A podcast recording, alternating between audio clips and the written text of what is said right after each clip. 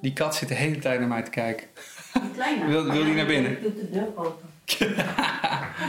Kom maar, Billy. Ah, lief. Die mouw ook. Hey Billy. Dat is een meisje. Billy? Billy is een meisje. Billy. Ja, met Billy is een Billy. Ah. Als je gedachten een zware last zijn en je wil er vanaf, kan je, net als wij, beginnen met googelen. Dan kom je klankschalen tegen, meditatie of worden je honderden mindfulnessboeken aangeprezen. Maar wat doe je als dat niet genoeg is om je hoofd rustig te krijgen? Nou, ik ben eh, Helena Doesis en eh, ik ben zelf hulpverlener van, eh, van beroep. Dus ik kom ook wel veel soorten problematiek tegen. En ja, de uitzondering maakt mijn zoon zelf natuurlijk. Zijn naam is Pepijn. Een hele creatieve, blije, eh, vrolijke knul. Hè, met muziek bezig en eh, een berg humor. Alleen wel, wel druk, gewoon altijd aan het vertellen. En dat, eh, dat ging de hele dag door.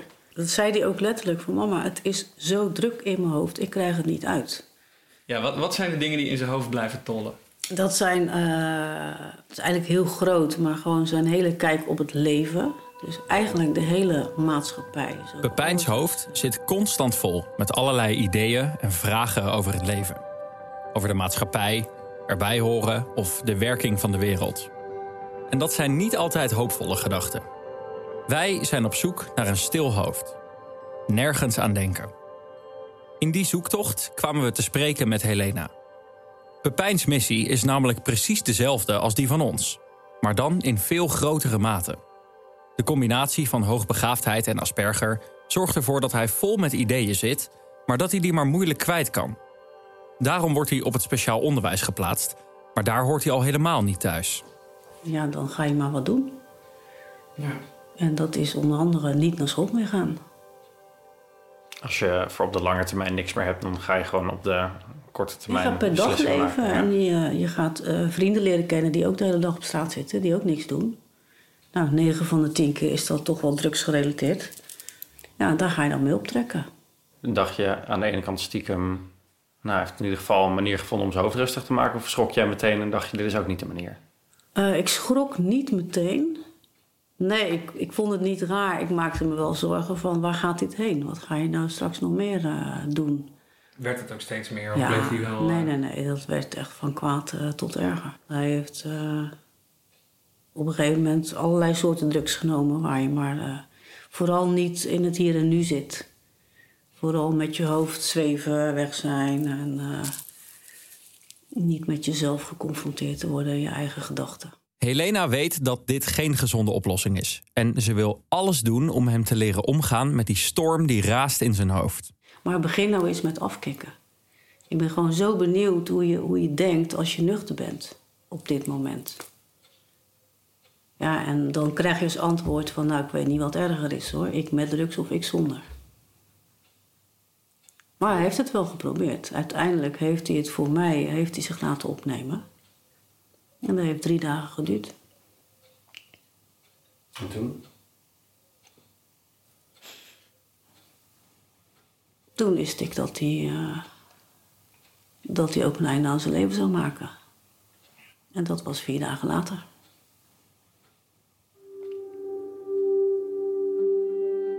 Sommige mensen willen hun gedachten het zwijgen opleggen door zichzelf te verdoven. Een niet onomstreden onderwerp dat we in onze zoektocht naar stilte moeilijk kunnen negeren. We willen dus aan niks denken. Eh, zijn we hier dan op de juiste plek? Denk het wel, ja. Hoi, wij zijn Mart Meijer en Bas Menting. In deze zesdelige serie gaan we samen met Quest Psychologie op zoek naar stilte in ons hoofd. In twaalf experimenten proberen we het antwoord te geven op de vraag die ons al lang bezighoudt. Kan je aan niks denken? Dit is Stil in Mij, aflevering 4. Oh, dat zijn jullie samen hier. Ja. Nee, je kan hem ronddraaien. Nog ongelooflijk verder ogen. Dat was in, in een week voordat hij overleed, zeg maar. Deze Net foto voor de kliniek, ja. Dan zag je al hoe moe die was. Hij heeft volgens mij echt precies jouw ogen. Ja, klopt. Ja, Felblauw. ja dat was een hele knappe jongen ook. Ja, wauw. Voor Mart en mij zijn stress en piekeren ronduit frustrerend. Maar als je gedachten ondraaglijk worden, dan ga je geen hele podcastserie maken op zoek naar een oplossing. Dan zoek je hulp en probeer je echt van alles. En sommige mensen grijpen dan naar drugs. In aflevering 1 spraken we met piekerprofessor Bart Verkuil. In het kader van ons onderzoek dacht ik terug aan iets dat hij toen zei. Toen we hem vroegen of het mogelijk is om aan niks te denken. Dat is een hele goede vraag. Kijk, we weten uit, uit onderzoek dat de natuurlijke toestand van het brein er eentje is waarin er eigenlijk heel veel activiteit is. Echt aan niks denken. Ehm, ik denk dat het best mogelijk is onder bepaalde omstandigheden. Misschien ook wel onder bepaalde chemische toestanden. Dat het nadenken erg wordt belemmerd. En, en het blijft sowieso een prachtig experiment, denk ik. Die chemische toestanden waren de uitvlucht voor Pepijn, de zoon van Helena. De enige manier om zijn gedachten nog te dempen. Zijn verhaal bewijst absoluut de gevaren, maar het heeft zo'n impact op je hoofd dat we er niet omheen kunnen. Ja, is dat iets voor ons, denk je? Of denk je, joh, blijf daar zo ver mogelijk van, eh, vandaan. En eh, dit, dit hoort niet in dat rijtje thuis. Nu wel juist wel. Want dan ervaar je het ook wat het, eh, wat het doet, zeg Ja. maar. Ik zou dat zeker. Het is niet dat je na één keer gelijk verslaafd bent. Maar Nee, je weet wel waar je het over hebt. Ik denk, bij pijn zou je een blootje aanraden. Ja. De rest van de shit moet je van ver vandaan blijven, zou je zeggen.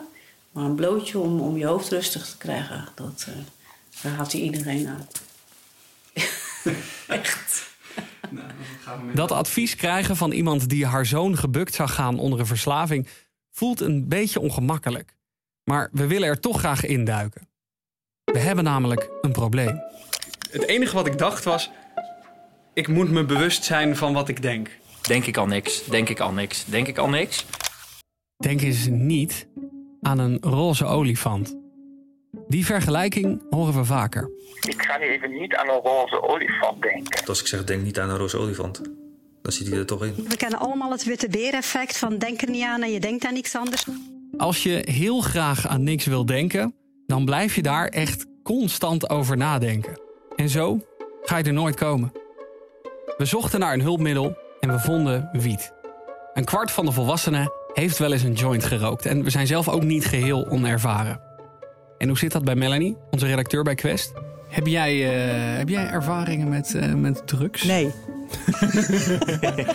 Ja, zo makkelijk komt ze er bij ons niet vanaf natuurlijk. Nou, ik heb in mijn studententijd uh, wel uh, eens wat geëxperimenteerd aan mee. Ja. Maar zonder, zonder problemen, dat was gewoon uh, voor ja, amusement? Nou ja, ja. En ik, nou ja, ik vond het was inderdaad wel heel uh, wel plezierig. Ja. En ook wel zo plezierig dat ik dacht van nou moet dit niet te vaak doen. Anders dan wordt het een gewoonte. Dus, ja. Ja, maar, dan was je er wel scherp op. Ja, dat toch wel. Zo helder was ik nog wel, ja. Net als Melanie hebben Mart en ik ook wel eens wat geëxperimenteerd. Daardoor weten we dat drugs je inderdaad even uit je hoofd kunnen halen. En zelfs helemaal uit je lichaam. Ik ben de muziek en ik ben het huis en ik ben alles gewoon. Het is zo bizar. Hoe kan dat nou?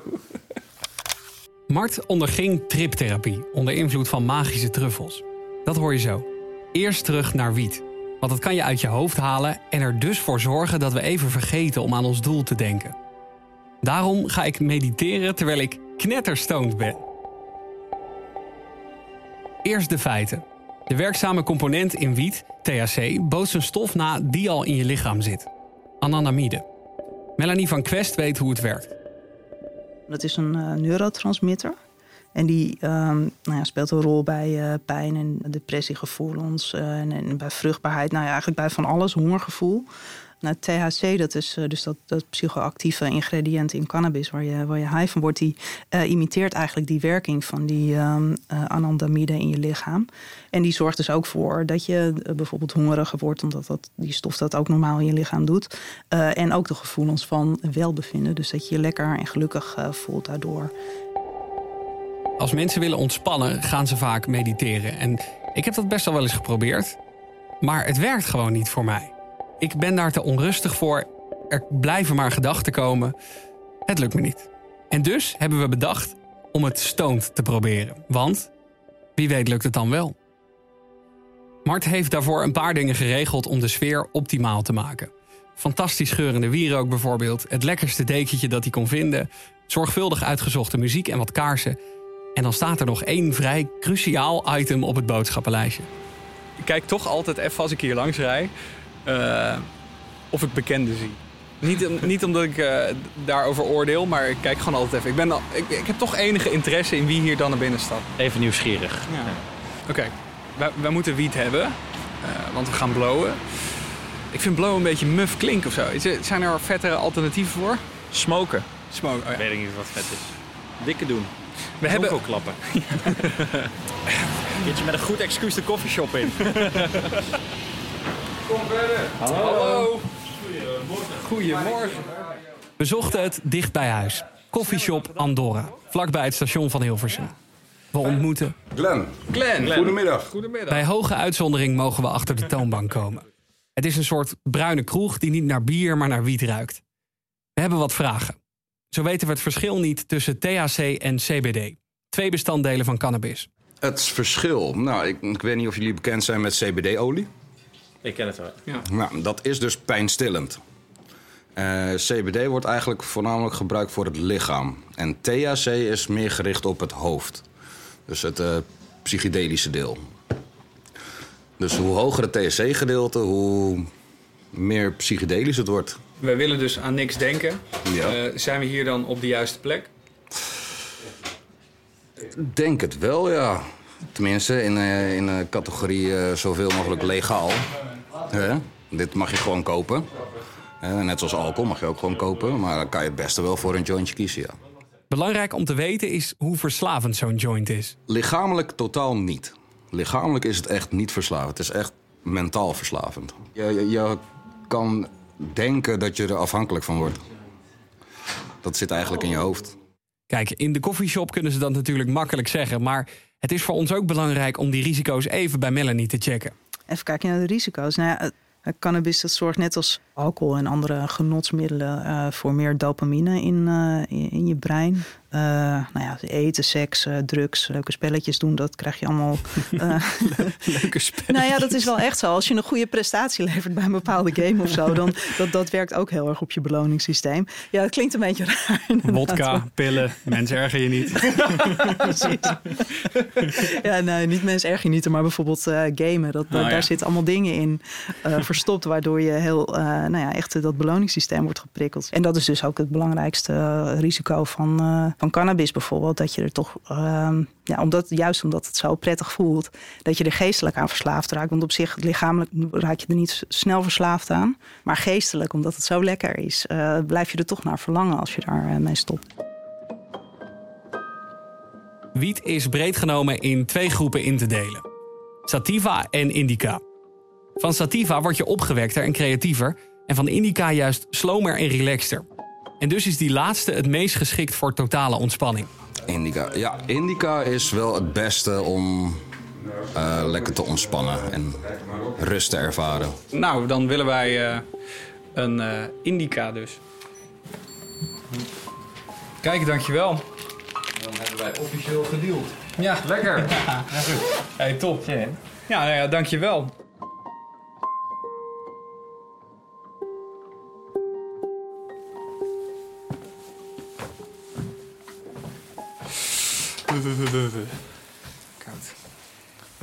Balkonnetje.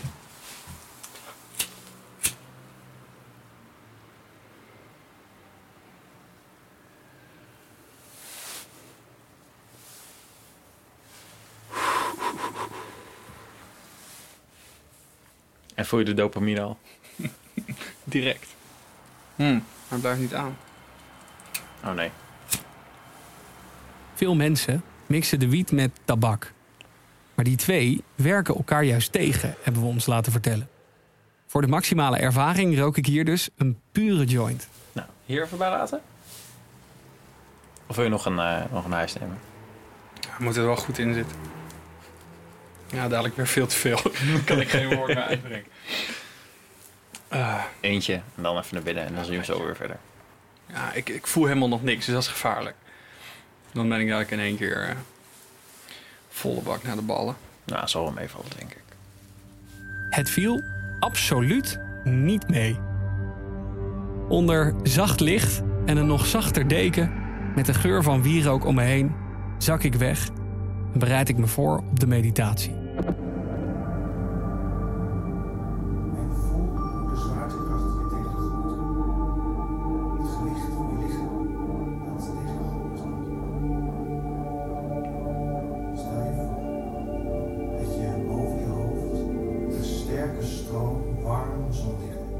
Weet hij dat ik stroom ben? Of? Wat? Even klep.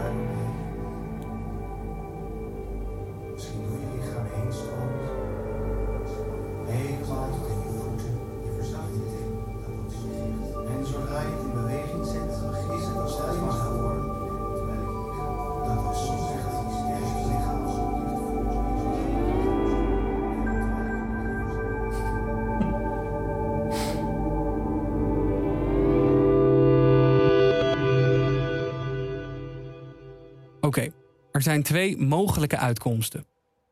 Of het is me op dit punt gelukt om mijn gedachten los te laten, of echt totaal het tegenovergestelde. We hebben ervoor gekozen om stoned te mediteren, omdat je er overal rustiger van wordt, maar ook omdat veel mensen beter hun aandacht op één ding kunnen richten. Zoals bijvoorbeeld Glenn van de koffieshop. Omdat ik zelf ADHD heb, is het voor mij erg fijn om dat te gebruiken voor het focus. Ik heb een sterke eh, THC-gehalte nodig om goed te kunnen focussen. Aangezien Melanie de zin van de onzin scheidt, checken we dit op de redactie. In hoeverre kan je je nog focussen in, eh, eh, onder invloed van cannabis? Eh, er is wel onderzoek gedaan, inderdaad, door het Trimbos Instituut. Uh, die doet sowieso veel onderzoek naar, uh, naar middelengebruik. En um, die hebben onder studenten onderzocht. En die zeiden inderdaad wel hetzelfde. Dus dat die, dat die aardig wat studenten die cannabis wel zien als een prestatieverbeterend middel. Dus waardoor ze echt wel ja, beter kunnen leren. En, en echt wel het gevoel hebben dat ze beter kunnen focussen, inderdaad, op de lesstof. Maar wat die onderzoekers uh, schrijven is dat dat waarschijnlijk toch een soort placebo-effect is. Omdat cannabis toch, uh, ja, het, het, dempt prikkels. Dus het, het kan niet echt dat, dat, dat het je focus echt verbetert. Maar omdat je er zo ontspannen van wordt, heb je wel het gevoel dat je beter presteert. Nou moet ik wel zeggen, ik had op de middelbare school van die gasten in mijn klas... die dan gingen blowen voor de les, die gingen er niet beter van presteren. En die presteerden al niet zo goed. Nee, precies, objectief gezien. Hè? Ja. Ik wilde dit echt net zeggen, want uh, ik had ook gasten in mijn klas... die stonden dan in de pauze stonden ze te blowen buiten. Nou ja, die kwamen terug met die hele geur in de klas... en dacht ik altijd, hoezo zegt niemand hier iets van? Maar die konden gewoon blijven zitten. Het was Brabant. En ze zijn uiteindelijk ook blijven zitten waarschijnlijk. nee, maar ik, ik begrijp daar nu, met de kennis van nu, helemaal niks van. Dat beter focussen is dus een placebo-effect. Maar omdat blowen rustig maakt en gedachten vertraagt, hebben sommige mensen hun redenen om het te doen. Bijvoorbeeld Glenn van de koffieshop vanwege zijn ADHD. Mijn meditatie zit erop. En van focussen was inderdaad echt geen sprake. Wat was dit voor beleving? Ja, ik kan echt ongeveer twee seconden mijn aandacht ergens bijhouden. Dus ik, ik, ik focus me op, uh, op de tv en vervolgens gaan in mijn hoofd echt 700 dingen uh, voorbij. Er komen zo honderden dingen voorbij en het flitst de hele tijd heen en weer. En dat wordt dan wel afgewisseld met even het gevoel dat ik echt zwaar comfortabel lig. Helemaal chill in de bank. Uh, en dan gaan we weer. dus dan kan ik me weer even focussen en dan komen weer alleen maar gewoon gedachten over van alles. Nou ja, een belangrijk ding aan de podcast is. Heb je aan niks gedacht? Even voor de formaliteit. Dit is echt een formaliteit. Ja. Nee, nee, nee. Dikke nee, echt niet. Voor mij geen stilte. Wel een gezellige avond. Het is nu een paar uur later. En dit hele. Alles werkt nog, man. Het lijkt gewoon niet eens afgezwakt. Gewoon echt stoned in bed. En ik moet morgenochtend werken. Dus probeer te slapen.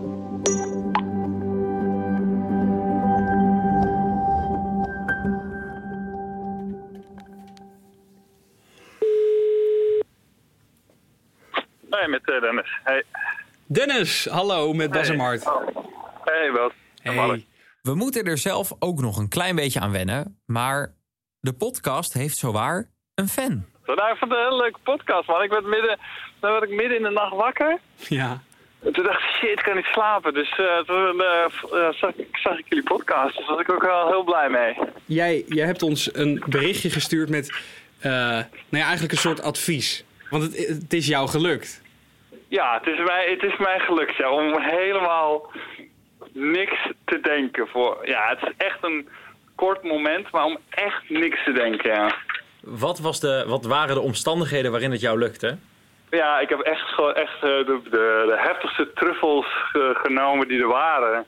En de omstandigheid was, ik had een Spotify, eh, wat had ik gedaan? Ja, Spotify playlist met een soort van gong. En toen ben ik gewoon in bed gaan liggen. En wat ik heb gedaan is, elke keer als ik een gedachte kreeg, was het bij elke gong, ging ik, nam ik een stap achter die gedachte. Dus je denkt gewoon aan iets. En op een gegeven moment als die gong kwam, ging het zo, zag ik eigenlijk die gedachten in letters en keek ik achter die letters. Totdat het moment was dat er dus niks meer achter was. En toen op dat moment dacht ik niks. Het is niet voor het eerst dat we truffels aangeraden krijgen. En dat verbaasde ons toch een beetje, want bij onze vorige ervaring met truffels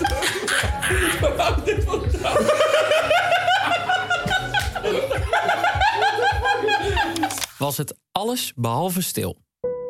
Truffels, ook wel magische truffels genoemd, zijn een familielid van de paddo. Maar in tegenstelling tot de paddo zijn ze legaal te krijgen in de smartshop. Truffels staan erom bekend dat je er ontzettend van gaat hallucineren. En ze winnen aan populariteit omdat er steeds meer bekend wordt over hun therapeutische werking. Kijk. Hallo, hallo. Ik dacht, moeten we nou het hele pand door, maar we zijn er al. We zijn bij Michiel van Elk. Universitair hoofddocent aan eh, de afdeling Psychologie in Leiden. En schrijver van het boek Een nuchtere kijk op psychedelica. Hoeveel wordt er gebruikt in Nederland? Weet je dat? Ja, verdacht weinig. Eh, officiële cijfers eh, laten zien dat het hooguit 1 tot 3 procent van de mensen zijn die ooit in hun leven daar ervaring mee hebben opgedaan. Met middelen als eh, magische truffels of LSD. Eh, ecstasy ligt iets hoger. Dat is ongeveer tussen de 5 en de 7 procent. Michiel onderzoekt psychedelica. De therapeutische toepassing van truffels wordt door steeds meer mensen omarmd. En we zijn benieuwd hoe dat in zijn werk gaat. Als je nadenkt over wat depressie is en eh, wat bijvoorbeeld de posttraumatische stressstoornis kenmerkt, of wat OCD, eh, obsessief-compulsieve stoornis kenmerkt, of bijvoorbeeld verslaving, dan zijn dat mensen die vastzitten in bepaalde gedachten, in bepaalde negatieve gedachten, bepaalde negatieve patronen, die maar over en over terugkomen. Steeds weer hetzelfde, dezelfde loop van ik ben niks waard, niemand vindt me leuk, ik ben eenzaam, ik stel niks voor. Eh, De hele tijd een soort van spiraal van negatieve gedachten. Die heel moeilijk is om te doorbreken. En nou, de- beste middelen die we hebben in de hulpverlening zijn eh, psychotherapie. Dus eh, praten met een psycholoog. Cognitieve gedragstherapie wordt daar gebruik van gemaakt. Dus proberen om dat soort gedachten te ontmaskeren. Van hé, hey, het is niet reëel, want je hebt wel degelijk vrienden. Nou, dat werkt allemaal redelijk tot goed. Maar niet voor iedereen. Dan heb je medicatie, dat werkt ook redelijk, voor, maar ook niet voor iedereen. En je hebt dan een bepaalde groep patiënten die ondanks al die hulpmiddelen toch vast blijven zitten in die patronen. En met name die groep patiënten, daar wordt nu heel veel onderzoek naar gedaan. Die patiënten die niet reageren op bestaande therapieën, die vastzitten en waarvan het kenmerk is rigiditeit in het denken en handelen. Vastzitten in dat patroon. En wat psychedelica doen, met name in die hogere doseringen, is dat patroon doorbreken. Omdat je inderdaad, als je een hoge dosis psychedelica hebt, een ervaring kan hebben waarin je niet langer meer in die loop zit, maar alleen nog maar ervaring hebt. En alleen nog maar bijvoorbeeld een gevoel van eenheid. Van dat je één voelt met de muziek die je hoort. Of als je in de natuur bent, dat je denkt van hé, hey, alles is met elkaar verbonden. En dat is voor heel veel van die mensen een nieuwe ervaring. En dat kan uiteindelijk op de lange termijn helpen dat mensen zich inderdaad daardoor beter gaan voelen. Michiel is onderzoeker, geen therapeut. En dus moeten we op zoek naar iemand die ons kan helpen met psychedelische therapie. We beginnen met googelen op Ja. Tripsitters of zo? Wat, wat is dan specifiek waar we naar op zoek zijn? Eh, mensen die truffeltherapie aan, of psychedelische therapie aanbieden. Wat we toen niet konden bedenken was dat dit een behoorlijk pittige zoektocht zou worden. Met een beetje goede wil zou je er waarschijnlijk een podcastserie mee kunnen vullen. Ik heb dus een mail terug van een van die bedrijven. Succes met jullie onderzoek. Ja, hallo. Ik heb net drie kwartier met die gast aan de telefoon gehangen, maar hij kan ons zelf niet helpen. Ik heb weer reactie, maar eh, dit wordt echt helemaal niks. En opnieuw presenteer ik u een nee. Het klikte heel goed, maar uiteindelijk toch weer geen match, want ze wilden geen opnameapparatuur bij hebben. Dit leek oprecht goed te komen, maar ze heeft zich dus weer teruggetrokken. Helaas, weer niet. Oh, we zijn gewoon weer helemaal terug bij af. Maar, geloof het of niet, twee maanden van bellen en mailen en appen verder. Ladies and gentlemen, we got him. Echt? Volgens mij hebben we beet. Uiteindelijk komen we in contact met Marcel. Zijn bedrijf Triptherapie doet al jaren aan truffelsessies en hij durft het aan om ons te begeleiden. We komen er al snel achter dat het geen kwestie is van innemen en lekker trippen. De weken voor de afspraak met Marcel hebben we een aantal gesprekken ter voorbereiding en besluiten we dat ik degene ben die de truffels gaat nemen. Een aantal dagen voor de trip krijgen Bas en ik een hele lijst voorgeschoteld. Laten we de intakers eventjes bekijken. Weet je wat hij van ons moet weten? Nou, dat gaan we nu zien. Contra-indicaties. Vul het onderstaande formulier niet in indien je een van de volgende contra-indicaties hebt. Zwangerschap, schizofrenie, borderline. Dat is niet van toepassing volgens mij. Ik heb een verminderd libido. Ik slaap te veel. Moeilijk te motiveren Ik voor voel me seks. down of depressief. Mensen vinden mij te mild. Ik heb weinig haast. Dat mijn geheugen is. Ik heb een onbedwingbare behoefte naar vet eten. Mijn partner vindt me niet helemaal geëxperimenteerd met hallucinogene stoffen. Voelt alsof mijn lichaam uiteenvalt. Wat een gigantische lijst, man. En zelfs na die lijst zijn we nog niet klaar. Want ik krijg een instructiemail met allerlei voorbereidingen die ik moet treffen, zodat we de kans op succes verhogen. En de dag van tevoren bekijken Bas en ik een video die Marcel ons gestuurd heeft over intense meditatie. Wow. Oh, zeven handen. Ja, de... Holy shit. Oh, dit is, dit is al een trip op zich, man. Ik heb dit op deze manier nog nooit gedaan. Hopelijk ben ik goed genoeg voorbereid om ons doel te bereiken. Nergens aan denken.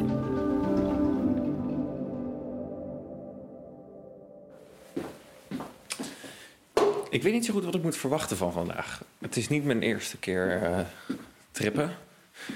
Maar wel mijn eerste keer onder begeleiding. En zo'n trip is heel geinig als je het helemaal over je heen laat komen. Gewoon alle visuele effecten, rare dingen. Als je dat allemaal een beetje laat gebeuren. Maar ik weet niet hoe het gaat zijn als je in één keer iets moet tussen aanhalingstekens in die trip. Zeg maar, het heeft nu een doel. En er is iemand bij om dat doel te bereiken. Maar ja, ik weet het niet. Oh, er staat hier een doos met bonbons. Oh, niet naar kijken. Ik mag op de dag van de inname niks meer eten, want dan werken de truffels sneller en sterker. We hebben afgesproken bij Bas thuis. Marcel arriveert. Hallo. Je komt binnen in huizen Bas Menting. Dit is Bas Menting. Hi, ik ben Bas. Hij is tripsessies gaan begeleiden nadat hij zelf ervaring had opgedaan met psychedelische truffels. Wat, hoe was voor jou de allereerste keer dat je truffels gebruikte? Ja, ik was niet goed voorbereid. Het is een lange tijd terug. Wat ik ervan weet is dat ik had toen 15 gram. Had ik voor de helft ingenomen. En toen, eh, ja, toen dacht ik, ja, ik moet ook nog even wat eten halen. Dus ik ben gewoon nog eh, naar de Chinees gelopen. en toen begreep je in één keer alle tekens die er stonden en zo? Of- En, ik- en, ik, en ik zit daar. En ik zit te wachten op mijn eten. En ik zit naar die Chinees te kijken. En zijn hoofd werd steeds groter en groter. Toen dacht ik, dat, dit gaat niet goed, dacht ik. en toen dacht ik, oh shit, natuurlijk. Dat komt door die truffels. Het begint te werken. Hierna gaat het snel. Marcel gooit het roer om, stopt met zijn baan en legt zich volledig toe op het aanbieden van therapie onder invloed van psychedelica. In eerdere gesprekken heeft Marcel het gehad over voorbij het denken gaan. Hij omschrijft hoe hij dat voor zich ziet. Ja, dat, dan, gaat, dan is het denken er niet meer echt in, in woorden. Als je voorbij de woorden gaat, dan ga je meer richting de ervaring. En dat is eigenlijk wat we willen laten gebeuren. We willen Mort laten samensmelten met de ervaring die hij heeft, zonder het te begrijpen. En die omschrijving doet sterk denken aan de omschrijving van onze grote fan. Hè? Die we hebben, zoals je weet. Dennis, onze grote fan. En op een gegeven moment keek ik achter die letters. Totdat er dus niks meer achter was. En toen op dat moment dacht ik niks. En daar willen we naartoe. In de diepste trip ga ik niks meer kunnen, behalve op de bank liggen. Je verdwijnt compleet in de hallucinaties die je ziet als je je ogen sluit. Marcel gaat me in de gaten houden en hij haalt me soms even terug om te vragen hoe het met me gaat. Waar nodig kan hij me bijsturen richting het doel van vandaag. Dat doel moeten we nog wel even helder formuleren als onderdeel van de therapie. Laat het gebeuren. Laat het zijn. Probeer niet te veel vast te houden aan bepaalde dingen die je kent. Want juist als je daar dan voorbij gaat, voorbij de woorden, dan ben je eigenlijk op de plek waar je wil zijn. Ik wil loslaten. Ja, dat is het. Hoe meer we het hierover hebben, hoe meer ik denk, volgens mij gaat het serieus lukken. Ja, het- ik denk het, ik denk het wel. Ja, ik moet eerlijk zeggen, ik heb voor het eerst, sinds we begonnen zijn met, eh, met het onderzoek, heb ik echt voordat we beginnen met een experiment het idee, dit gaat hem worden. Dan gaan we over op de inname, toch? Ben je er klaar voor? Ik ben er klaar voor. Oké. Dit zijn de sterkste truffels die er zijn. De Valhalla-truffels, die hebben zes van de vijf sterren. Iets wat eigenlijk niet kan. Zes van de vijf. Nou ja, als iets voorbij is aan dromen en denken, dan is het wel zes van de vijf sterren, denk ik. Nou, ik ga de eerste er maar bij pakken. Santé, jongens.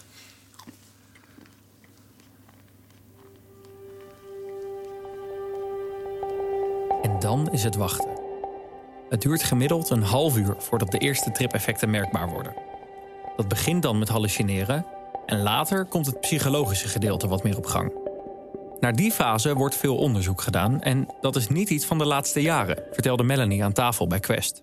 Ja, nou ja, het is, het is geen heel nieuw idee. Hè. Het is al eh, best oud. Eh, dus al sinds de jaren 50, eh, 60 zijn er nou, heel veel onderzoek naar aan het doen. In Nederland was er ook een hele bekende psychiater, Jan Bastiaans. Die eh, was in de jaren 70 eh, echt bekend om zijn eh, methode Bastiaans. Dus die was dan mensen die ehm, in concentratiekampen hadden gezeten, behandelde hij met eh, LSD.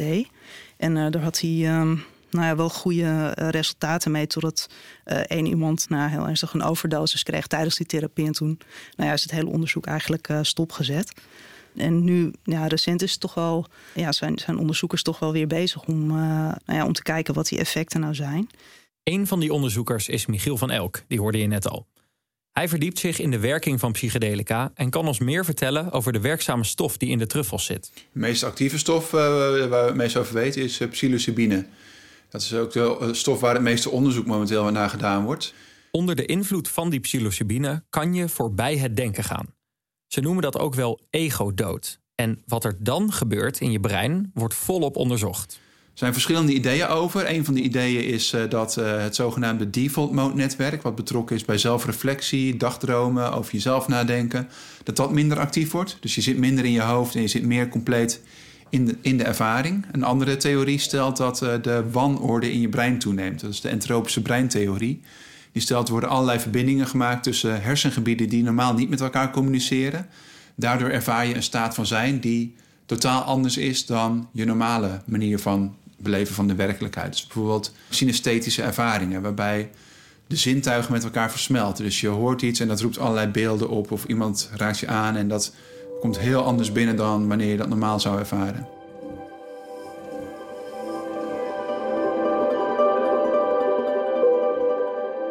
Volgens mij begin ik al semi te trippen. Begin je al te trippen? Ja, ik heb een beetje dat gevoel. Echt? Ja. Sowieso helemaal klamme handen. Maar hoe, hoe, hoe lang zijn we onderweg nu? Ja, volgens mij pas 20 minuten of zo. Je hebt trouwens echt zo'n glitter op je wang zitten die echt zo intens opvalt. Ik? Ja, die, dat is ook wel echt. Je hebt, tenminste, ja toch? Ik zie hem niet. Oh nee, dan zou het echt in mij zitten. Dingen bewegen een beetje, komen wat dichterbij, gaan wat verder weg of zo. Maar het heftigste trippen gebeurt denk ik als ik mijn ogen dicht doe. Ik voel me heel kalm. Ja, het is heel moeilijk om daar goede woorden aan te geven. Het is ook goed als je het niet begrijpt. Dus voor nu laat het, laat het allemaal gebeuren.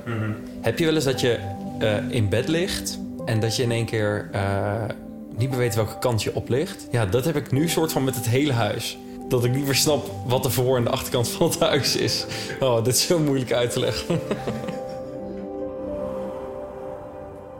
Op dit punt heeft Mart het niet zo goed meer door, maar Marcel en ik merken dat hij steeds iets minder aanspreekbaar is. Daarom besluiten we dat dit het moment is waarop hij gaat proberen voorbij het denken te komen. We gaan je nu de tijd geven om even te kijken of je kan eh, komen waar je wilt heen gaan. Ah, graag. Ga je lekker iets voor jezelf doen? ja, dat gaan we. Ik, zal wel, iets- ik ga wel iets verderop zitten, dan heb je ook iets meer eh, gevoel van, van vrijheid.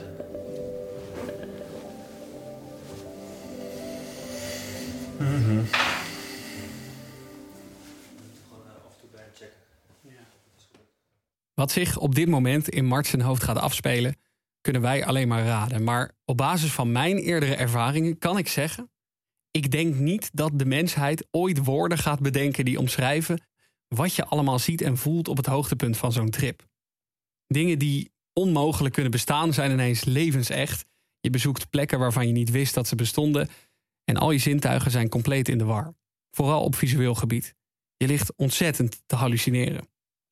Dat komt omdat psychedelica effect hebben op je normale manier van naar de wereld kijken. Kijk, ons brein probeert uh, patronen te herkennen. En dat herkennen, dat, daarbij gebruiken we eigenlijk heel veel informatie die we al, al kennen eigenlijk. Dat zit al in je brein. Op basis van die patronen waar Marcel het over heeft, doet je brein voorspellingen. Vertelt psychedelica-onderzoeker Michiel. En die voorspellingen die beperken wat we zien. Dus bijvoorbeeld, uh, ik zie hier een kopje voor me staan. Mijn brein voorspelt dat dit een kopje is dat als ik het beetpak, dat het hard aanvoelt. Een van de effecten van psychedelica is dat die voorspelmachine als het ware even tot stilstand wordt gebracht. Dan wordt jouw waarneming van het kopje niet meer beperkt door, jou, door de kennis die je normaal gesproken hebt van hé, hey, dat kopje is solide, dat is een, van steen gemaakt. En daardoor kan het lijken dat als je een schaduw ziet vallen over dat kopje... of je ziet zeg maar, de reflectie daarop... dat je denkt van, hé, hey, verrek, het lijkt wel alsof het kopje vloeibaar is... alsof het beweegt. En dat kan, omdat zeg maar, die beperking die normaal gesproken... over onze waarneming heen ligt... die wordt er als het ware even afgehaald. Maar wat we zien is dan ook helemaal niet per definitie de waarheid. Want Klopt. we vullen dat zelf in. Ja, dat is uh, allerlei onderzoek laat zien inderdaad... dat we in heel veel gevallen niet waarnemen wat er daadwerkelijk in de wereld is, maar dat we vooral ons model van de wereld waarnemen in ons hoofd.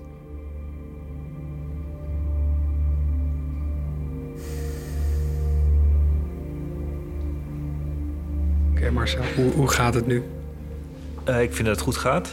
Alleen zijn aandacht is nog wel veel naar buiten. De meeste sessies, zoals deze, dan gaan mensen toch iets meer naar binnen keren met de ogen dicht. En dan duurt het ongeveer 1 tot 3 uur voordat ze weer eruit zijn. Dan blijven ze daarin? Ja. En dus komt Marcel even in actie. Hij wil Mart dieper de trip insturen en doet dat door eerst kort met hem te praten. Het is nog wel veel. Veel beelden. Ja. Het is onbegrijpelijk dat ik me hier moe van voel. Ik lig niks te doen. Ja, maar toch gebeurt er een hoop in je hoofd. Zijn er dingen die je herkent? Van de beelden die je ziet. Dat je zegt, dat, dat komt me bekend voor. Nou, ik zie wel best wel veel bepaalde mensen of zo. Zo vreemd. Oh, Bas, weet je wat echt heel apart is? Weet je wie ik de hele tijd zie? Om Mart te sparen hebben we de naam even in het midden gelaten. Echt? Ja, heel vreemd. ik heb er genegeerd. Nou, dan zit het nog ergens in je hoofd. Ja. Zou het toch daarom zijn? Moet toch ergens in je hoofd zitten?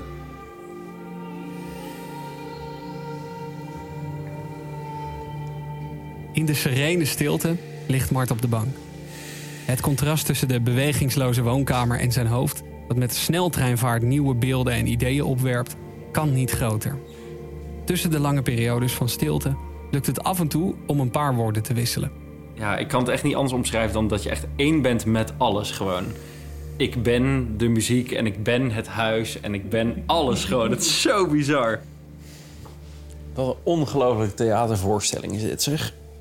Met speel. Als de diepste trip voorbij is, doen we als onderdeel van de therapie nog wat oefeningen. Waaronder een meditatie. Ik zit me net af te vragen, heb ik wel gemediteerd? Ik was er niet echt bij of zo. Heb ik wel gemediteerd? Ja. We hebben godverdomme 18 minuten zitten luisteren naar meditatie. Ja, ja. heeft dit 18 minuten geduurd? en dan is dit het punt dat we geconfronteerd worden met een sterk bijeffect van de truffels. Sorry voor dat lachen de hele tijd. Hoe kan dat nou?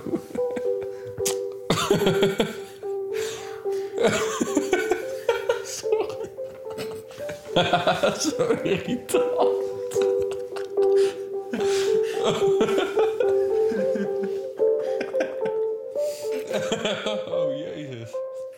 Dit onophoudelijke lachen is het teken dat ik langzaamaan wat meer terugkom in de gewone wereld. Vanaf dit punt ben ik helder genoeg om wat gesprekken te voeren. Het is nog te vroeg om de ervaring te bespreken, dus nemen Marcel en Bas rustig de tijd om af te tasten hoe ik terugkom uit de trip. Ik space nog een beetje. Kleuren, dingen, muren zijn nog een beetje... Vervormen nog allemaal een beetje.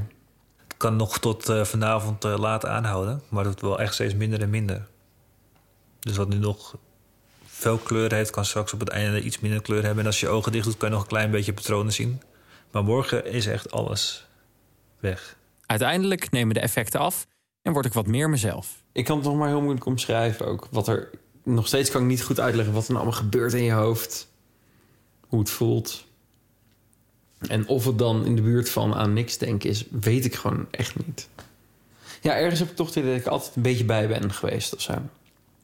Maar denk je dat je dat later nog kunt terughalen? Jawel, dat denk ik wel.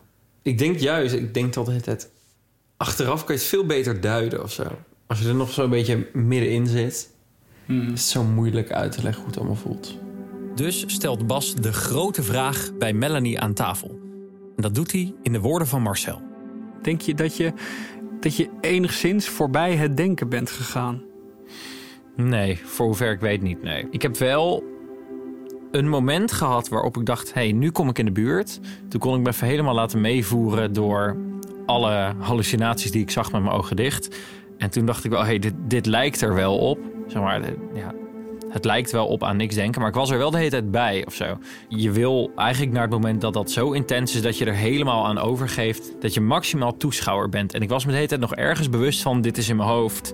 En ik zie dit omdat ik drugs gebruikt heb. En het is niet de werkelijkheid. We hebben nog niet beet.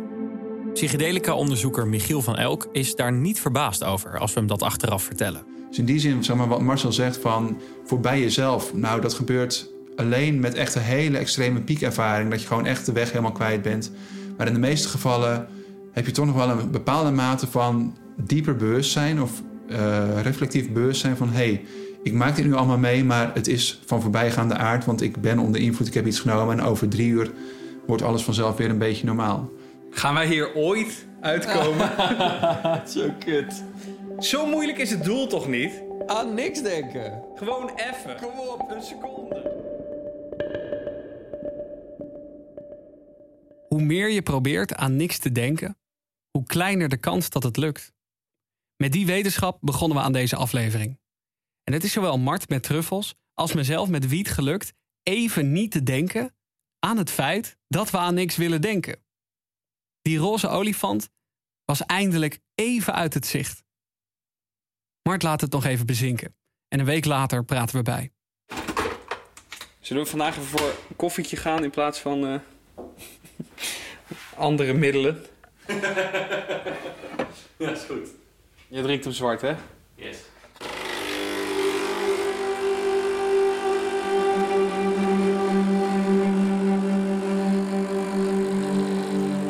Waar is mijn kopje? Zet hem al daar. Hoe zit het met, uh, met de inzichten nu, een weekje later? Mm, nou, geen ernstige psychologische doorbraken gehad. Maar uh, ik kwam wel weer dichtbij die stilte. Echt heel dichtbij. Op een gegeven moment val je dan helemaal weg in de ervaring. En dan voelt het zo dichtbij aan niks denken. Maar het voelde als. Het was een heel andere ervaring dan in de sauna. Veel intenser. Maar je bent er een beetje bij omdat je zo aan het trippen bent de hele tijd. Dat maakt dat je hoofd niet helemaal leeg is. Maar het is wel zo dichtbij. Het is zo interessant om hierop door te pakken. Waarom willen we dit? wat, is de motivatie? Minder willen piekeren. Een rustiger hoofd willen. We zijn er, we zijn er echt bijna, toch? Eerlijk is eerlijk. Volgens mij wel. Mar Marcel stuurde er eigenlijk een beetje op aan... dat je misschien nog wel meer zou nemen... Mm -hmm. uh, ja, om, om jezelf echt uit te schakelen. Maar dat, ik, ik weet niet hoe jij daarin stond, maar ik voel dat niet per se. Omdat ik denk, ja, je kan overal heel veel van innemen. En op een gegeven moment denk je aan niks, want dan ga je gewoon oud. Ja. Zo simpel is het. Ja. Jezelf echt helemaal moeten verdoven. Dat lijkt me een beetje kansloos. Kansloos toch? Dat is een hard woord. Ja. Het is ook een heel hard woord. Ja. Het is echt een... Je sluit alles mee uit of zo. ja, maar zo zag hij Ja, zichzelf. Dat, dat En snap ik ook, maar Ja, klopt. het is zo pijnlijk. Dat is super pijnlijk. Als je gedachten ondraaglijk worden, probeer je van alles. En sommige mensen grijpen dan naar drugs. En er zijn bepaalde verdovende middelen die positieve effecten kunnen hebben als ze in therapievorm worden ingezet. Maar drugs zijn geen oplossing voor je volle hoofd. En we raden het zeker niet aan om op je eigen houtje te gaan experimenteren. Is het goed dat het gewoon legaal te verkrijgen is? Dat ik het gewoon kan halen en vanavond kan gebruiken? Nee, vind ik niet goed. Nee, als je ziet zeg maar, hoe heftig dat middel is eh, en wat het kan doen, eh, dan is het eigenlijk bizar. Er zit bijvoorbeeld niet eens een leeftijdsgrens op hè, voor eh, de verkoop van truffels. Nou ja, kijk, ik vond, eh, ik vond het stoned ook lekker om eh, echt dat onderzoek los te laten. Dat je er gewoon niet meer mee bezig bent. Eh, die roze olifant even de kamer uitgestuurd. Eh, hij, hij is er niet meer. Ehm, Maar je had wel hetzelfde als ik. Als in dat je... Er gebeuren wel nog steeds dingen in je hoofd. Ergens werken die drugs een beetje activerend. Je gaat echt aan ervan. En ik denk dat je misschien een beetje het tegenovergestelde wil. Wel dat loslaten en dat overgeven eigenlijk. De controle echt uit handen geven. Maar dan willen we liever uit in plaats van aan. Zoals we van drugs gegaan zijn. De bestemming is meer in zicht dan ooit. Maar we zijn er nog niet. We komen er samen met Melanie achter dat er een manier is om je hersenen uit te schakelen. Sommige delen die stoppen er gewoon bijna mee. Dus bijvoorbeeld, eh, je hebt, eh, En dat blijkt aardig binnen handbereik te liggen. ja, ja daar, daar lijkt het inderdaad wel op ja, als je zo die, eh, die onderzoeken ziet. Dat is wel grappig. Dus dat, dat is wel het dichtste wat je kan komen misschien bij je hersenen uitschakelen. Tijdens een orgasme, ja. voor en naar achteren. Dan moet je dus hier gebogen houden. Oftewel, echt gewoon een neukbeweging. Ah, je gooit eigenlijk je piemel tegen je buik. Dat is uiteindelijk de bedoeling.